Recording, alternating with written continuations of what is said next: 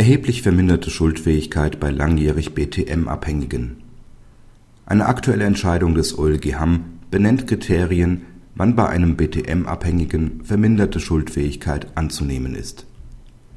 Nach Ansicht des OLG führt auch eine langjährige BTM-Abhängigkeit nicht automatisch zur Annahme verminderter Schuldfähigkeit. Diese soll nur ausnahmsweise bei folgenden Fallgruppen in Betracht kommen: wenn das Delikt im Zustand eines aktuellen Rauschs verübt wurde, wenn langjähriger Betäubungsmittelkonsum zu schwersten Persönlichkeitsveränderungen geführt hat, wenn der Täter bei der Tat unter starken Entzugserscheinungen gelitten hat und dadurch dazu getrieben wurde, sich durch eine Straftat Mittel für den Drogenerwerb zu verschaffen,